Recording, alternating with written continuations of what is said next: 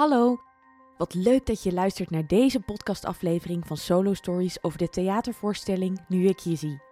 Nu ik je zie is een solovoorstelling, gebaseerd op het gelijknamige boek van Merlijn Kamerling. Ik ben Annemiek Lely en binnen Solo Stories mede verantwoordelijk voor de productie en ontwikkeling.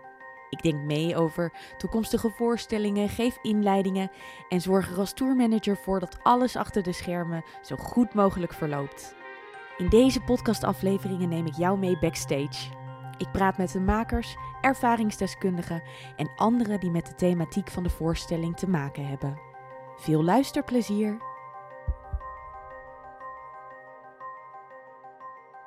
Het is zover. Vandaag beginnen de repetities van onze nieuwste voorstelling Nu ik je zie. Volgens de theatertraditie snijdt acteur Soy Kroon zo de taart aan. Daarna ga ik hem en regisseur Benno Hoogveld nog heel even lastig vallen met wat vragen. En dan kunnen ze echt beginnen.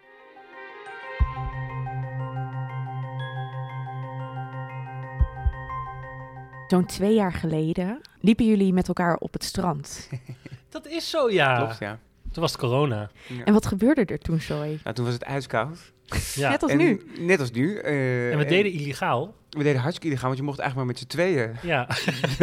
op straat lopen. Ja. Maar eh, nee, toen, we- toen kwam ik ergens aan en toen stonden Merel en Benno daar. En toen zijn we over het Nou, strand het is niet dat, wandelen. dat jij niet zeggen- wist dat wij daar waren. Nee, het was heel toevallig. Surprise show. maar het was wel echt eh, heel koud. En toen Mm. we dachten we, oh, lekker een dagje strand. Ja. Lekker een wandeling maken. Ja. Toen hebben we een hele lange wandeling gemaakt. Toen hebben we eigenlijk een beetje gepraat over van alles en nog wat. Ja. En wanneer gingen ze op de knieën? Ze gingen niet op de knieën. Nee. is die dag wel op zijn knieën gegaan. Echt? Ja, daar heb ik nog Klopt. een foto van. Want toen Klopt. ging jij een foto maken van het waaierige strand. Precies, en dat is ook nog dat is onze profielfoto Ja. van onze groep. zeg. ja. nog steeds. Al twee jaar. Ja, dat klopt. Eh, nee, en toen vroegen ze aan mij, eh, ja, we hebben, ehm, we hebben een, een stuk in gedachten, nu ik je zie, van Merlijn Kamerling, boek, en wil je dat spelen? Dat was eigenlijk de vraag. Dat was het. En wat dacht je toen? Zo simpel was het. Eh, toen dacht ik, nee. Nee, toen dacht ik, ja. Je hebt je meteen ja gezegd. Nou, toen zei ik eigenlijk Ik meteen, wel, ja. ik zei Ja. meteen, ja, dat lijkt me fantastisch.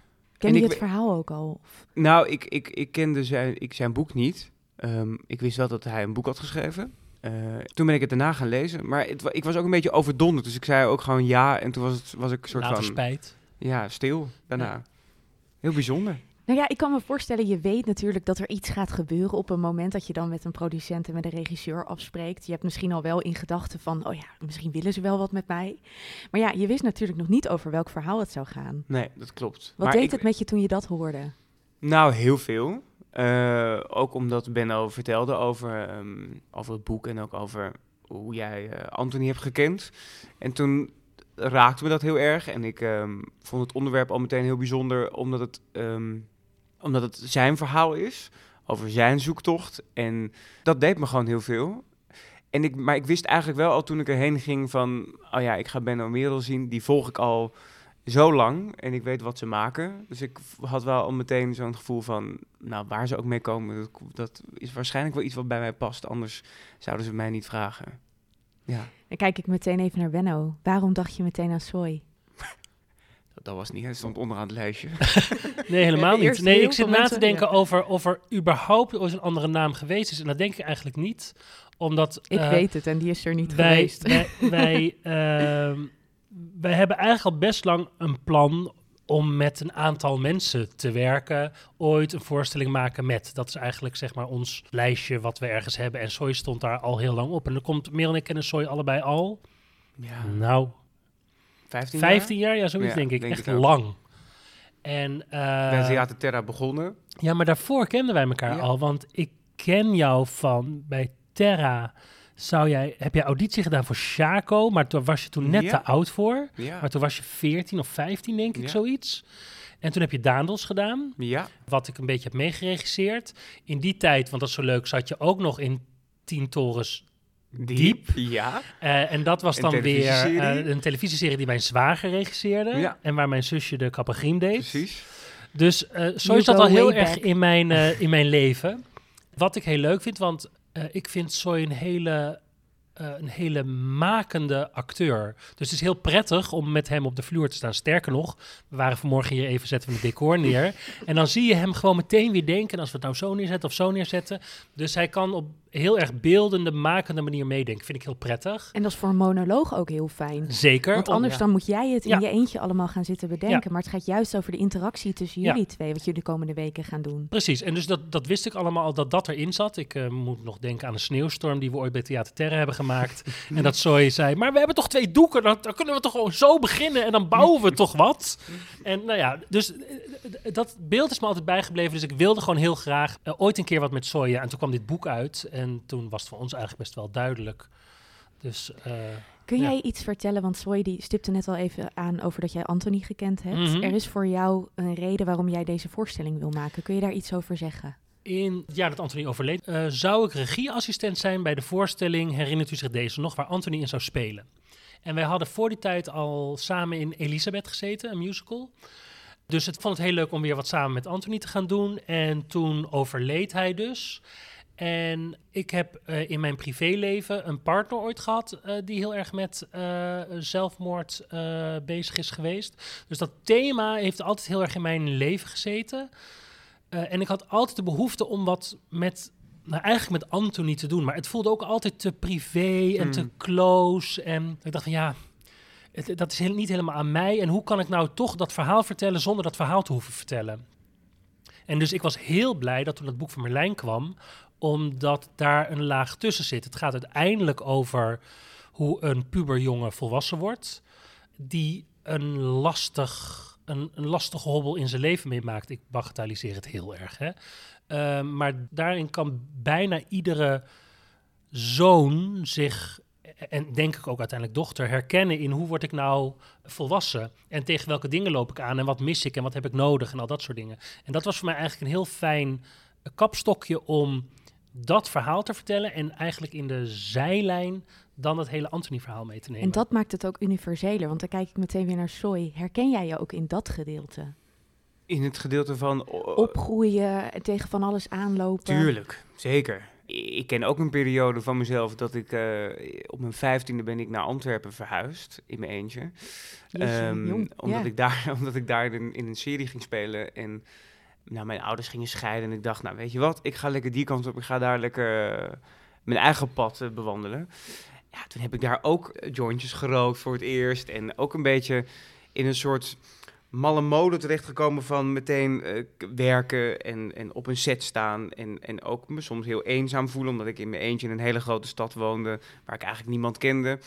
Dus ja, dan ben je ook zoekende. En dan ga je ook, eh, ben je 18, 19 en dan denk je ook, ja, wat wil ik nou eigenlijk precies? Dus dat herken ik zeker. En qua grote gebeurtenissen in mijn leven, dat heb ik niet hetzelfde als Merlijn. Maar, ehm, Nee, maar dat is ongeveer ook wel de grootste gebeurtenis die je in je leven kan, kan meemaken. meemaken. En Maar ik denk dat het ook inderdaad los van, van de zoektocht naar zijn vader, is het inderdaad een soort coming of age ja, verhaal. precies. Dat is En het. het, dat lees ik ook nu ik het script heb gelezen. Herken ik ook de hele tijd wel een soort, soort luchtigheid in het verhaal. Wat, wat best modern is. eh, omdat het eh, zoekende is en, en het gaat alle kanten op. En daarin denk ik dat het wel een vernieuwende monoloog wordt.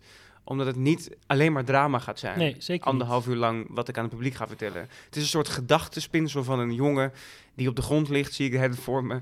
En eigenlijk niet meer weet hoe, ko- hoe kom ik uit deze put. Ja, dat is het. Precies, wat heel veel jongeren meemaken. Ja, wat jij zeker. zegt, dat is voor ons allemaal herkenbaar, denk Ja. ik. En en ik denk- zeker ook in deze tijd, Dat hè? wil ik net zeg zeggen, maar de, Ja. de post-corona-tijd, waar iedereen toch eigenlijk twee jaar lang met zichzelf opgesloten heeft gezeten. Het zijn ook de cijfers die je hoort op dit moment. Ja. Dat heel veel jongeren last hebben van die twee jaar die ze in hun eentje of met hun spelcomputer, is dat een modern woord? De spelcomputer klinkt heel erg uh, als op- opa, Opa, praat.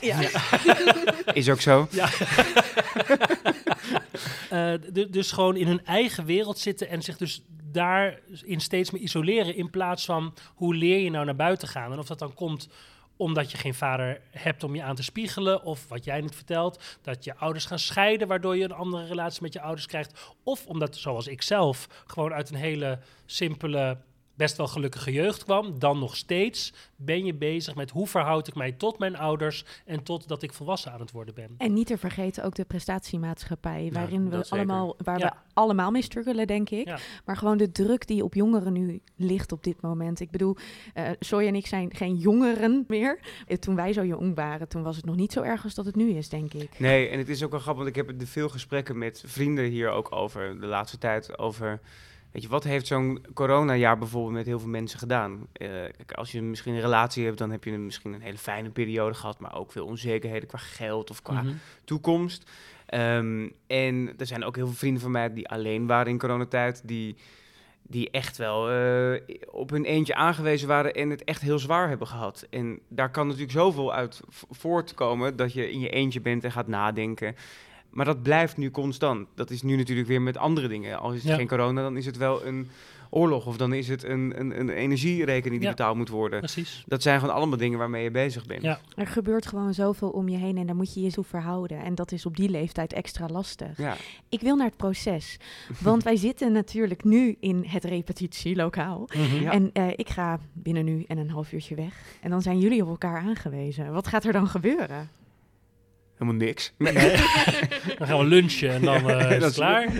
Eh, wat fijn is, Soy heeft al best wel goed het script gelezen. Dus ik denk dat we de eerste week, we gaan in totaal eh, zes weken werken, waarvan steeds drie dagen per week.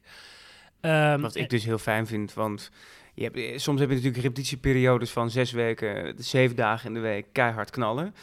Of dan moet je iets wat al gemaakt is ooit, eh, zo precies zo gaan doen. Maar ik vind het heel, het relaxen aan alles vind ik dat we dus die drie dagen doen, omdat het fijne is dat je dan tijd hebt tussendoor om nog over dingen na te denken. Ja. Dagen vrij hebt. Als je, eh, ja, als je elke dag ermee bezig bent, is ook niet goed. Je kunt het even laten Je kan het even laten bezinken. Dan kan je weer met nieuwe energie weer naar, hier naar binnen komen en denken... oh ja, misschien moeten we toch dat omgooien of dit zo doen... of misschien moet ik het zo spelen.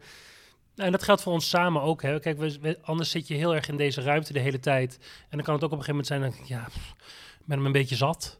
Maar dan kan je geen kant op, want je zit maar met z'n tweeën. En dus ook als je zelf in je hoofd vastzit en je krijgt het niet uitgelegd, dan heb je soms even afstand nodig om iets uit te leggen. En voor jou inderdaad, het Ja. heeft voor jou ook zin om de verdieping te vinden. Dus zo gaat de aankomende tijd eruit zien. En de eerste week zullen we vooral aan dit tafeltje zitten met het script en dingetjes strepen, klemtonen bepalen, eh, gevoelens van de scène bespreken. Waarom is dit, voelt dit goed of voelt dit niet goed?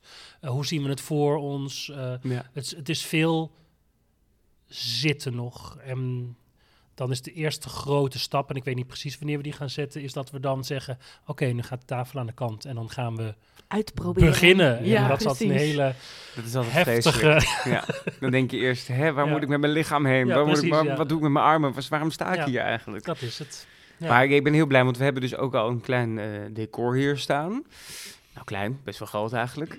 Maar dat is Deel, een deel wat fijn is om al een beetje mee te kunnen werken. Ehm, en ik denk dat het nu gewoon een beetje moet gaan groeien in ons hoofd de komende week. Heb je al een monoloog ooit gespeeld? Nee, nog nooit. Dus dit is de allereerste keer dat Ja, je op dat school wel eens. Ik heb op school wel eens monologen gedaan en zo, maar ik heb niet... ehm, Nee, ik heb... eh, eh, grappig dat ik ook erg veel moet denken aan dat ik straks in mijn eentje op tour ben. Nou, niet in mijn eentje, maar wel in mijn eentje dit moet gaan doen.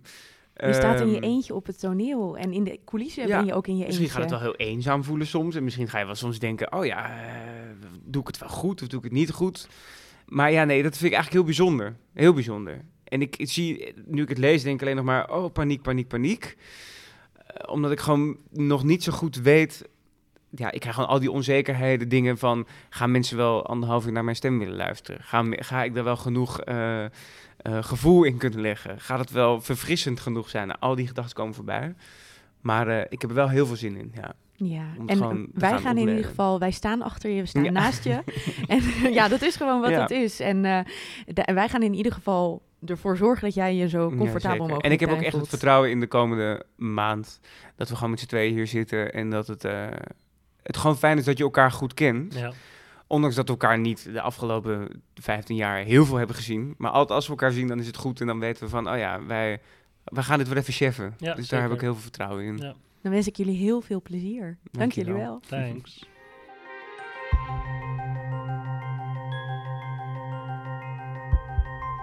Soy en Benno vertelden net al over het verhaal. De eerste stap om van een boek een theatervoorstelling te maken is het schrijven van een script. Hierover heeft Mark Veerkamp zich gebogen. Ik ben benieuwd hoe hij dat gedaan heeft.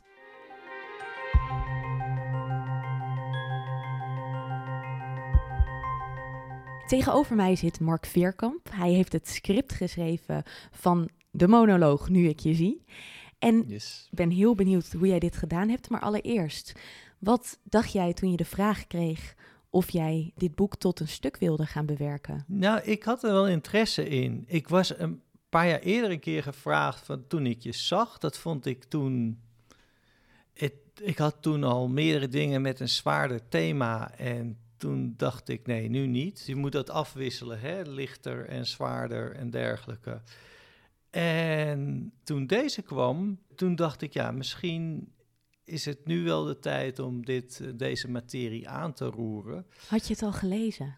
Ik had het nog niet gelezen. Ik heb natuurlijk wel, er was behoorlijk wat, eh, wat over in de media. Dus ik had er wel van meegekregen. En toen Benno me vroeg om dit te bewerken, toen dacht ik wel, ik moet het, e- ik moet het eerst lezen. Want ik ga niet, ik ga niet ongelezen ja zeggen. Dus toen heb je het meteen gekocht. Nou ja, ik, ik heb het opgestuurd gekregen. En toen heb ik het wel meteen gelezen. En toen keek ik eerst een beetje bedenkelijk, want het boek is opgebouwd in interviews. Dus andere mensen vertellen het verhaal. Nou, we werken voor Solo Stories. Solo Stories maakt monologen die komen uit iemand. Dus dat was qua vorm was dat een heftig. eh moest je er veel aan veranderen? Kon je niet, je kon niet de vorm overnemen bijvoorbeeld. Kun, Kun je, daar een sowieso voorbeeld niet. van geven? Merlijn spreekt met iemand Ja. die, die praat over Anthony. Wat maakt dan wat je in een monoloog moet doen om het van hem te laten zijn? Nou, ik kwam een paar zinnen tegen waarvan ik dacht van. Mark pakt ondertussen het boek Ja. erbij, waar allerlei aantekeningen Ja, in dat zitten. is. Ik maak dan meteen. Ik, ik, vroeger had ik altijd het idee, ik moet met potlood doen en dan gum ik alle aantekeningen weg. Ik, eh, ik doe dat niet. Nu ga je los. Dus ik doe het gewoon met pen. Dus er staan hele grote eh, eh, ja, accolades en strepen en dat soort dingen in het boek. Ik vond in het boek vond ik een paar zinnen die de sleutels waren om het script te schrijven. Ik vond deze zinnen. Het is niet dat ik het heel erg vind, maar het is gek om voortdurend vergeleken te worden met iemand die ik niet zo goed ken, of maar voor de helft ken. Daarom wil ik hem opnieuw leren kennen omdat ik voel dat ik daar zin in heb en ik ben benieuwd naar de leuke herinneringen die ik aan hem moet hebben. Want dat kan haast niet anders. Die zitten vast ergens verstopt in een hokje in mijn hoofd. Dat hokje wil ik gaan vinden en met een beetje geluk vind ik in dat hokje ook iets van mezelf. Dat was voor jou de kern. Dat was voor mij de sleutel. Dus je hebt een zoektocht en een heel concreet doel, leuke herinneringen. Dat vond ik op een of andere manier een heel originele ingang voor een stuk. eh, waardoor het niet één op één gaat over een, eh, een vader die uit het leven is gestapt. Het gaat over een, over een vader en een zoon. Hij gaat op zoek naar eh, de Merlijn-figuur uit het boek, gaat op zoek naar leuke herinneringen. Toen dacht ik, oké, een zoektocht en een hokje waar iets in zit, als in een kluis of iets dergelijks. Ik dacht, dit is eigenlijk een soort psychologische versie van een detective, een soort mystery thriller. En toen opeens had ik de vorm. Toen zag ik opeens dat ik hier een verhaal, een soort van gedragsstroom kon pakken, waarin iemand continu op zoek gaat naar die goede herinneringen, naar, die, naar dat complete beeld van die vader. Hè, dat is eigenlijk het, eh, het doel. En opeens ging ik alles zien door een detective bril. Dus als hij interviews leest, is hij gewoon op zoek naar clues. De mensen die hij interviewt, dat worden getuigen. Zoals een Je hebt een detective. detective inderdaad geschreven. Eh, precies. ja, want als, eh, ik kan me voorstellen, ik, ik breek heel kort eventjes in, maar dat is omdat ik een gedachte heb die, Ja. denk ik, van belang is als het over theater gaat. Want theater, daar gaat het natuurlijk uiteindelijk om, er moet een drama zijn. Ja, En in dit boek, dat weten we allemaal, zit heel duidelijk een drama. Maar Ja. misschien zat het drama wel zo op de voorgrond Ja, dat je moest gaan zoeken naar een andere lijn om het nog spannend of interessant te maken. Ik vind spannend een heel moeilijk woord hierin, maar je nou, snapt het, wel wat het ik bedoel. gekke is, eh, spannend is een moeilijk woord als je het op het verleden toepast. Hè, laten we het wel wezen, het gaat over ja, een Ja. vader die uit het leven stapt en een jongen die daarmee moet dealen.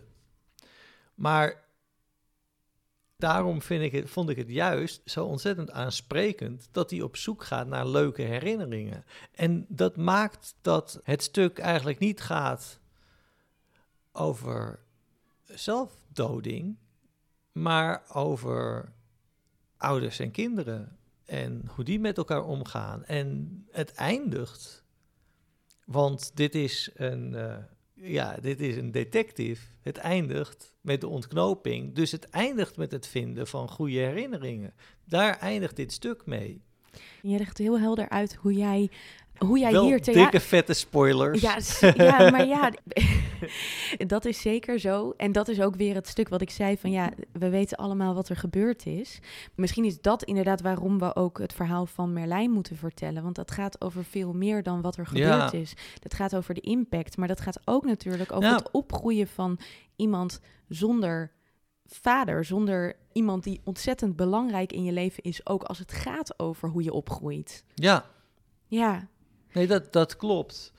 En daarom wil je naast het tragische verhaal ook het positieve verhaal hebben. In dit geval is dat bij Merlijn, eh, toen hij aan zijn zoektocht begon, had hij niet zo'n, eigenlijk niet zo'n positief beeld van zijn vader. Hij had waarschijnlijk wel het gevoel dat het ergens moest zijn. Maar wat hij zich herinnert, waren de manische of juist de zeer depressieve buien van zijn vader. De vader die maar rond de bank hing in zijn badjas en waar, waar weinig leven in zat. Of een vader die opeens in diezelfde badjas zijn kinderen naar school bracht en in de pauze heel uitzinnig eh, piano begon te spelen op school. eh, weet je wel, waardoor hij zich een beetje schaamde. Hij voelde zich vaak woorden van Merlijn een beetje voor lul gezet door zijn vader. En allerlei andere dingen, uitspattingen die, ehm, waar hij mee moest eh, dealen. Dus ja, daartegenover het vinden van die positieve herinnering. Er staan er ook niet eens zoveel in het boek. Daarvoor heb ik met Merlijn zitten appen van... eh, ja, wat nog meer? Weet je wel? Wat, wat weet je nog meer? jij Dus- moest nog een beetje graven. ja, ja, ja. nee, dat, dat, dat is altijd wel nodig, want er zit gewoon verschil tussen een boek en een stuk. Het is een heel ander medium. Het zit Ja. anders in elkaar. ja, Je wil soms net een ander verhaal vertellen. Als jij gaat schrijven, of in ieder geval sowieso de onderzoeksfase die er natuurlijk ook Ja. bij hoort, die wij net eh, besproken hebben.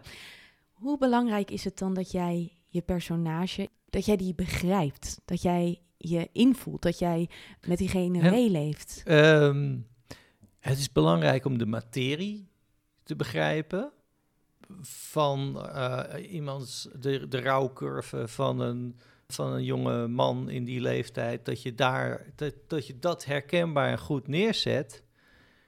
Maar ja, ergens moet je ook. Ik zeg altijd van je moet op een respectvolle manier oneerbiedig zijn. Je moet ook op een gegeven moment ook zeggen: dit is een toneelversie van Merlijn. Die gaat gewoon afwijken. En ik schrijf hem op de manier waarop ik hem begrijp.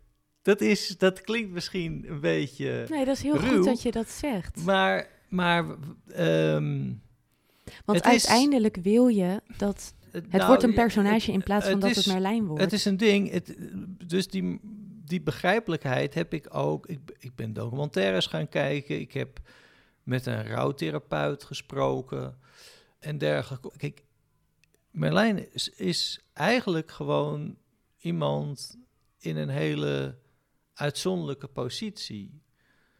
Eh, zijn ouders zijn hele bekende acteurs. Eh, zijn Heel vader Nederland- was ja, Kent ze.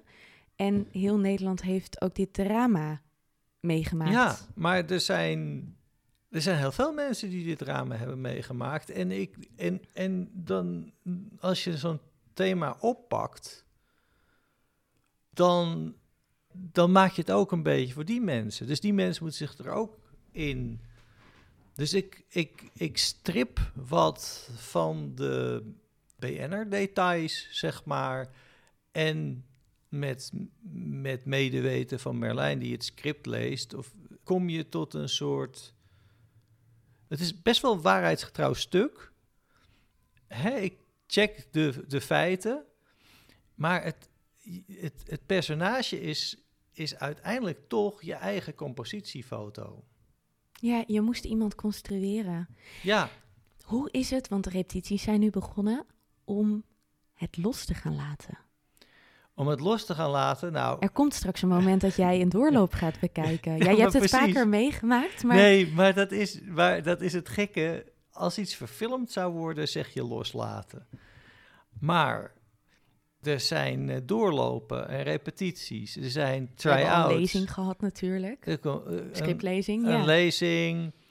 Je, je bent als eh, toneelschrijver, ben je, ben je op een gegeven moment, denk je, in plaats van ik moet het loslaten, denk je, goh, ik ben blij dat het voorbij is. Heb je dat nu al? Voel je dat nu al? Nee, nee, nee, maar zo, zo nee, dat, dat, dat, dat, is, dat is niet helemaal. Ik chargeer een beetje. Maar je, komt, je leeft toe naar een, naar een première die relatief kort op die fase zit, waarop je nog in je tekst. Tijdens de try-outs kun je soms nog in je tekst ingrijpen. Er wordt wel eens aan jou gevraagd, schrijf toch nog maar een scène bij. of hoe erg zou je het vinden Ja, dat als klopt. we dit weglaten? Nee, maar Ja. dat, dat klopt. Dus, dus, dus ik zie die, die tekst. Die tekst is af op het moment dat er eh, eh, de eerste publieke reacties zijn gekomen. Dat je weet hoe die werkt. En dat je er weet dat je er. eh, dus ja, dat loslaat. Dat is in het geval van een voorstelling, is dat eigenlijk een. een de, de pleister gaat niet in één keer, zeg maar. En daar hebben we nog twee maanden voor. Dankjewel, Mark. Wil je naar Nu Ik Je Zie komen kijken? De voorstelling is van 19 januari tot en met 4 juni te zien in de Nederlandse theaters. Ga naar solostories.nl om een kaartje te bestellen. Leuk om je in de foyer te zien. Kom je na afloop naar me toe om te vertellen wat je van de voorstelling vond? Of via onze socials? Tot dan! De totstandkoming van de voorstelling Nu Ik Je Zie wordt mede mogelijk gemaakt door 113 Online, Mind, Fonds Podiumkunsten en het Dr. C.J. Vajant Fonds.